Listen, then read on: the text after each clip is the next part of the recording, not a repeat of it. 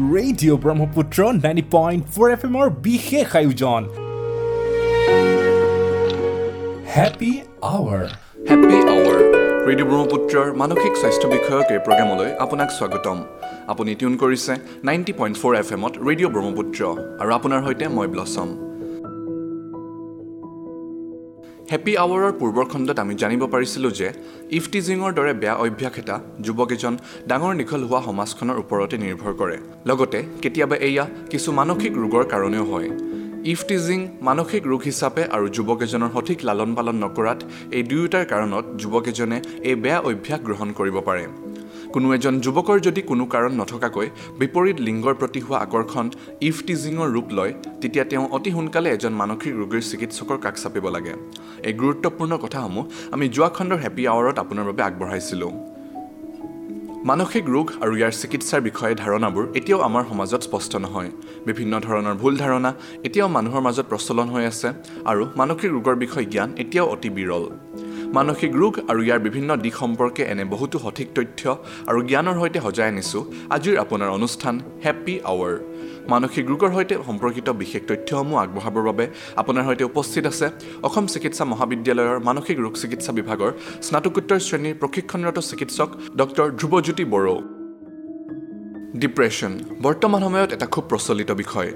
এই শব্দটোৰ লগত আপুনি পৰিচিতনে ই এক গুৰুত্বপূৰ্ণ বিষয় বুলি আপুনি ভাবেনে বাৰু? ইয়াৰ প্ৰভাৱনো কেনেধৰণৰ? ই এক মানসিক ৰোগ হয় নেকি? এই প্ৰশ্নসমূহৰ সঠিক তথ্য আপোনাৰ বাবে আগবঢ়াব অসম চিকিৎসা মহাবিদ্যালয়ৰ মানসিক ৰোগ চিকিৎসা বিভাগৰ স্নাতকোত্তৰ শ্ৰেণীৰ প্ৰশিক্ষণৰত চিকিৎসক ডাক্তৰ ধ্ৰুৱজ্যোতি বড়োৱে।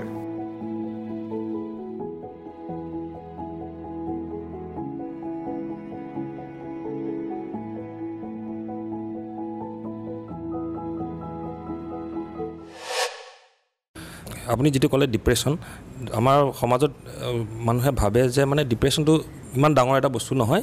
মানুহে ভাবে যে ই মানুহটো লেজি বা ইয়াৰ বক্তৃত্বৰ দুখৰ কাৰণে হৈছে। ই অলপমান কষ্ট কৰিলে ৰিকভাৰ কৰি ল'ব পাৰে। সি জানি শুনি এনেকুৱা কৰি আছে। সেই বুলি আমি আকৌ নিগেটিভলিহে চাওঁ।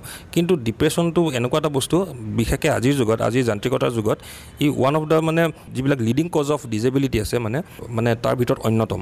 আৰু আজি আজিৰ তাৰিখত depression number one cause of disability হ'বলৈ গৈ আছে মানে।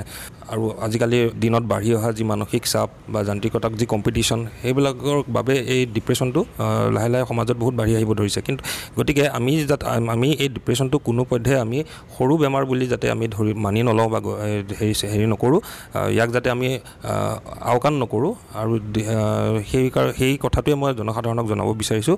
কাৰণ এই ডিপ্ৰেশ্যনত ভুগি থকাৰ ফলত কি হ'ব পাৰে বহুত ধৰণৰ লোকচান হ'ব পাৰে। লাষ্টত গৈ আমি মানুহজনক হেৰুৱাই পেলাব পাৰোঁ। এজন মানুহ যদি বহুত দিন এনেকুৱা ডিপ্ৰেশ্যনত ভুগি থাকে তেওঁ পিছত নিজকে শেষ কৰি ল'ব পাৰে বা এনেকুৱা ধৰণৰ বহুত ডাঙৰ ক্ষতি এটা তাৰ পৰা হ'ব পাৰে। গতিকে কোনো পধ্যে ই এটা সৰু বেমাৰ নহয়। ই আজিৰ তাৰিখত বহুত ডাঙৰ জ্বলন্ত সমস্যা বুলি মই ক'ব বিচাৰোঁ। গতিকে আমি জানিব পাৰিছোঁ যে হতাশা হৈছে গোটেই বিশ্বজুৰি বিয়পি থকা এটি অতি গভীৰ আৰু গুৰুত্বপূৰ্ণ ৰোগ। পৃথিৱীৰ প্ৰায় তিনি দশমিক আঠ শতাংশ লোক ডিপ্ৰেশ্যনত ভোগে আৰু ইয়াৰ ভিতৰত পাঁচ শতাংশ প্ৰাপ্তবয়স্ক লোক আৰু পাঁচ দশমিক সাত শতাংশ ষাঠি বছৰতকৈ অধিক বয়সৰ লোক ডিপ্ৰেশ্যনৰ দ্বাৰা প্ৰভাৱিত হয়। পৃথিৱীৰ প্ৰায় দুশ আশী মিলিয়ন লোক ডিপ্ৰেশ্যন ৰোগত ভুগি আছে।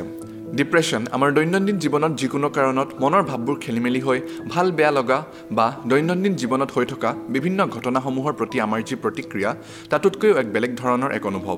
অতিমাত্ৰাত যদি ডিপ্ৰেশ্যন অৰ্থাৎ হতাশাগ্ৰস্তত ভোগা হয় ই এক গভীৰ ৰোগৰ ৰূপ ল'ব পাৰে। ই ৰোগীজনক অতি হানি কৰিব পাৰে আৰু তেওঁৰ কৰ্মশীলতাটো বাধা দিব পাৰে। ডিপ্ৰেশ্যনে কেতিয়াবা এজন মানুহৰ জীৱনো কাঢ়ি নিব পাৰে। এতিয়া ডিপ্ৰেশ্যনৰ লক্ষণ আৰু কাৰকসমূহ কেনেধৰণৰ আৰু কি কি? ইয়াৰ বিষয়ে আপোনাক সঠিক তথ্য আগবঢ়াব অসম চিকিৎসা মহাবিদ্যালয়ৰ মানসিক ৰোগ চিকিৎসা বিভাগৰ স্নাতকোত্তৰ শ্ৰেণীৰ প্ৰশিক্ষণৰত চিকিৎসক ডাক্তৰ ধ্ৰুৱজ্যোতি বড়োৱে। হতাশা হতাশাগ্ৰস্ততা হৈছে এনে এনে এক ধৰণৰ মানসিক ৰোগ আহ, আজিকালিৰ দিনত খুব কমনভাৱে পোৱা যায়। বহুত কমন হৈ গৈছে আজিকালি। বিশেষকৈ হতাশাগ্ৰস্ততা বুলি ক'লে আমি বুজোঁ বেছিভাগ সময় মানুহৰ মনটো বেয়া লাগি থকা। খুব ল' ফিল কৰে মানুহ এজনে মনটো ভাল নালাগে। প্ৰথম কথা তেওঁৰ আগতে যিবিলাক কাম কৰি ভাল লাগিছিলে সেইবিলাক কামৰ প্ৰতি তেওঁৰ ৰাপ কমি যায়। তেওঁৰ কৰ্ম কাম কৰা শক্তি কমি যায়। আগতে তেওঁ যিমানখিনি কাম কৰিব পাৰিছিলে আজিকালি তেওঁ তাত তাতকৈ খুব কম কাম কৰোঁতেই তেওঁ ভাগৰি পৰে আৰু তেওঁৰ মুডটো ল' হৈ থাকে তেওঁৰ মনটো বহুত বেয়া হৈ থাকে। এইকেইটা হৈছে প্ৰধান চিমটম আৰু এই লক্ষণকেইটাৰ বাহিৰেও আৰু কিছুমান লক্ষণ আছে যেনে তেওঁ যিকোনো কামত তেওঁৰ মন নলগা হয় তেওঁ কনচেনট্ৰেট কৰিব নোৱাৰে মনোযোগ দিব নোৱাৰে আগৰ নিচিনাকৈ তেওঁৰ টোপনি নাহে টোপনি ভাঙি ভাঙি যায় বা একদমেই নাযায় তেওঁৰ ভোক নলগা হয় আৰু ভৱিষ্যতৰ কথা ভাবিলে খুব ঋণাত্মক ধৰণৰ চিন্তা তেওঁৰ আহিবলৈ ধৰে। তেওঁ এনেকুৱা ধৰণৰ চিন্তা আহিব ধৰে যে ভৱিষ্যতে গৈ তেওঁৰ একো নহ'ব বা তেওঁৰ লগত খুব বেয়া পৰিস্থিতি এটাৰ সৃষ্টি হ'ব। আৰু তেওঁৰ এনেকুৱা লাগে তেওঁ যেন খুব অসহায় হৈ গৈছে। তেওঁৰ সেই অৱস্থাটোৰ পৰা যেন তেওঁ কোনো উদ্ধাৰ কৰিব নোৱাৰে। হেল্পলেছ এটা চিটুৱেশ্যন তেওঁ ফিল কৰে। আৰু তেওঁ ভাবে যে তেওঁ ৱৰ্থলেছ অৰ্থাৎ তেওঁ জীয়াই থাকিবলৈ যোগ্য নহয় বা তেওঁ যোনটো পজিশ্যনত আছে সেই পজিশ্যনত থকাৰ তেওঁ যোগ্যই নহয়। এনেকুৱা ধৰণৰ এটা ভাৱ তেওঁৰ আহিবলৈ ধৰে। আৰু মাজে মাজে তেওঁৰ কি হয় এটা ছুইচাইডেল টেণ্ডেঞ্চি এটা আহে। তেওঁৰ এনেকুৱা ভাৱ হয় মোৰ জীয়াই থাকি একো লাভ নাই। মই জীয়াই থকাৰ যোগ্য নহয় গতিকে মই মৰি যোৱাই ভাল। এনেকুৱা ধৰণৰ ভাৱ আহিবলৈ ধৰে। আৰু কেতিয়াবা এনেকুৱা হয় মানুহৰ মনটো এনেও অলপমান বেয়া লাগি থাকে। বহু দিনৰ কাৰণে বেয়া লাগি থাকে অলপ অলপকৈ বেয়া লাগি থাকে কাম কৰিবলৈ মন নাযায়। সেইটো ডিপ্ৰেশ্যনৰ নিচিনাই এটা বেমাৰ কিন্তু আমি এইটো ডিপ্ৰেশ্যন বুলি নকওঁ এইটো ডিপ্ৰেশ্যনতকৈ অলপ কম লেভেলৰ হয়। আৰু ডিপ্ৰেশ্যনৰ বহুতটা স্তৰ থাকে। কিছুমান মাইল্ড মডাৰেট আৰু কিছুমান চিভিয়াৰ টাইপৰ হয়। আৰু স্তৰ অনুসৰি তেওঁলোকৰ লক্ষণসমূহৰ হেৰিও চিভিয়াৰিটিও বিভিন্ন ধৰণৰ হয়। মাইল্ড মেজৰ আৰু চিভিয়াৰ লক্ষণবিলাক প্ৰায় হেৰি অভাৰ মানে লক্ষণবিলাক একেধৰণৰে হয় খালী কিছুমান ক্ৰাইটেৰিয়া থাকে। কিছুমান হেৰি থাকে ক্ৰাইটেৰিয়া থাকে এইবিলাক মানে চিহ্নিত কৰিবৰ কাৰণে। লক্ষণবিলাক একেই। খালী মাইল্ডত কি হয় লক্ষণবিলাক অলপ কমকৈ থাকিব ধৰক মন বেয়া লগাটো থাকিব আৰু কামত মন নলগাবিলাক থাকিব। কিন্তু ধৰক ছুইচাইডেল টেণ্ডেঞ্চি যিটো আত্মহত্যাৰ প্ৰৱণতাটো ধৰক অলপ কমকৈ আহিব তেনেকুৱা ধৰণৰ হয়। সমাজৰ লগত তেওঁলোকৰ ধৰক যিটো সম্পৰ্ক সিমানখিনি বিচ্ছিন্ন হৈ নাযায় তেনেকুৱা থাকিব। আৰু মডাৰেটত তাতকৈ অলপ বেছি হ'ব তেওঁৰ কৰ্মক্ষমতা আৰু বেছি কমি যাব তেওঁ সমাজৰ পৰা আৰু অলপ একাষৰীয়া হৈ যাব। আৰু চিভিয়াৰত ধৰক তেওঁ আত্মহত্যা কৰাৰ প্ৰৱণতাটো বহুত বাঢ়ি যাব পাৰে এনেকুৱা ধৰণৰ আমি লক্ষণৰ অলপ সাল সলনি দেখিবলৈ পাওঁ। ইয়াৰ এতিয়া হতাশাগ্ৰস্ততা বা ডিপ্ৰেশ্যনত ভোগা হতাশাগ্ৰস্ততাত ভোগাৰ মূল কাৰণ বা কাৰকবিলাক কি কি হয়? কি কি কাৰণবিলাকৰ কাৰণে এজন মানুহ হতাশাগ্ৰস্ততাত ভুগিব পাৰে? হতাশাগ্ৰস্ততাত ভোগা মূল কাৰণসমূহ বহুত ধৰণৰ। ইয়াক আমি মূলতঃ কিছুমান ভাগত বিভক্ত কৰিব পাৰোঁ যেনেকৈ জৈৱিক কাৰণ কিছুমান জেনেটিক কাৰণ বুলি কোৱা হয় জৈৱিক কাৰণ আৰু কিছুমান হয় আমাৰ এনভাইৰনমেণ্টেল কিছুমান চাপৰ ফলত এক্সটাৰ্নেল কজৰ কাৰণে কিছুমান হয়। উদাহৰণস্বৰূপে যদি বংশ বংশত যদি এনেকুৱা ধৰণৰ বেমাৰ আছে যদি মাক দেউতাকৰ অথবা তাতকৈ ওপৰত যদি কাৰোবাৰ আছে তেতিয়াহ'লে তেওঁলোকৰ ল'ৰা ছোৱালীৰো এনেকুৱা হোৱা পৰিলক্ষিত হয়। তাৰোপৰি আমাৰ মস্তিষ্কৰ ভিতৰত কিছুমান ৰাসায়নিক পদাৰ্থ থাকে নিউৰ ট্ৰান্সমিটাৰ বুলি কওঁ। যিবিলাক এটা ভাৰসাম্যত থকাটো অতি প্ৰয়োজনীয়। এই ভাৰসাম্যতা যেতিয়া তাৰতম্য ঘটে বেছি বা কম হৈ যায় তেতিয়াহ'লে এনেকুৱা ধৰণৰ ডিপ্ৰেশ্যন বা মেনিয়া এনেকুৱা ধৰণৰ বিভিন্ন মানসিক ৰোগৰ সৃষ্টি হোৱা দেখা পোৱা যায়। আৰু কিছুমান এক্সটাৰ্নেল ফ'ৰ্চ যদি বহুত দেৰি বহুত সময়লৈকে বহুত দেৰিলৈকে তেওঁ কোনো এটা মানসিক চাপৰ মাজেদি গৈ আছে নাইবা তেওঁৰ জীৱনত এনেকুৱা বহুত ডাঙৰ কিবা এটা ট্ৰমা এটাৰ পৰিলক্ষিত ট্ৰমা এটাৰ সন্মুখীন হৈছে তাৰ পিছতো তেওঁ পিছলৈ গৈ এনেকুৱা ধৰণৰ ডিপ্ৰেশ্যন আদিৰ দ্বাৰা আক্ৰান্ত হ'ব পাৰে। হতাশাত ভোগা মানুহ এজনে খুব দুখ অনুভৱ কৰিব পাৰে। মন বেয়া লগা বা কান্দো কান্দো দৰে অনুভৱ কৰা অকলশৰীয়া অনুভৱ কৰা আৰু আশা হেৰাই দিয়া অনুভৱ কৰাই হৈছে কিছুমান ডিপ্ৰেশ্যনৰ লক্ষণ। সৰু সৰু কথাত হঠাতে খুব খং উঠা বিৰক্ত অনুভৱ কৰা অসন্তুষ্ট হোৱাও ডিপ্ৰেশ্যনৰ লক্ষণ।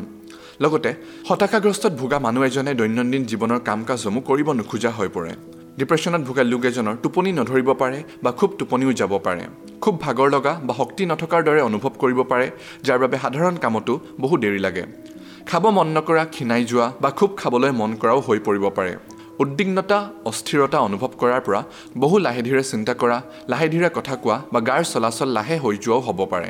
দূষিত অনুভৱ কৰা নিজৰ ওপৰতে খং কৰা নিজকে দুখ দিয়া নিজকে ঘৃণা কৰা মনোযোগ ক্ষমতা কমি যোৱা কোনো ডিচিশ্যন ল'ব নোৱাৰা এইবোৰ হতাশাগ্ৰস্তত ভোগা এজন ৰোগীৰ লক্ষণ। খুব সঘনাই মৰিবলৈ চিন্তা কৰা ছুইচাইড কৰাৰ কথা ভাবি থকা ছুইচাইড কৰিবলৈ চেষ্টা কৰা এইবোৰো ডিপ্ৰেশ্যনৰ লক্ষণ। গতিকে আপুনি আপোনাৰ বা কোনো পৰিয়ালবৰ্গৰ লোকৰ মাজত যদি এনে কোনো লক্ষণ দেখি পায় তেন্তে অতি সোনকালেই এক মানসিক ৰোগ বিভাগৰ চিকিৎসকৰ ওচৰত কাষ চাপক। আপোনাৰ মনটো সুস্থ হৈ থাকিলেহে আপোনাৰ শৰীৰটো সুস্থ হৈ থাকিব। আপোনাৰ মানসিক স্থিতি সুস্থ হৈ থাকিলেহে আপুনি এক সুখৰ জীৱন যাপন কৰিব পাৰিব। কিন্তু তাৰ বাবে আপুনি নিজৰ মনটো জানিব লাগিব বুজিব লাগিব। আপোনাৰ সেই মনটো অৰ্থাৎ মানসিক স্বাস্থ্যৰ কথাৰে সজাই লৈ আনো আপোনাৰ অনুষ্ঠান হেপী আৱাৰ এই অনুষ্ঠান শুনি আপোনাৰ কেনে লাগিল? আমাক এছ এম এছ নাইবা হোৱাটছএপৰ জৰিয়তে নিশ্চয় জনাব। আপোনাৰ চিনাকি number double nine five double four eight nine four three নাইনত আপুনি শুনি আছে radio' Brahmaputra ninety point four F M শুনাওক শুনাওক আৰু আনন্দেৰে থাকক radio' Brahmaputra ninety point four F এমৰ বিশেষ আয়োজন হেপী আৱাৰ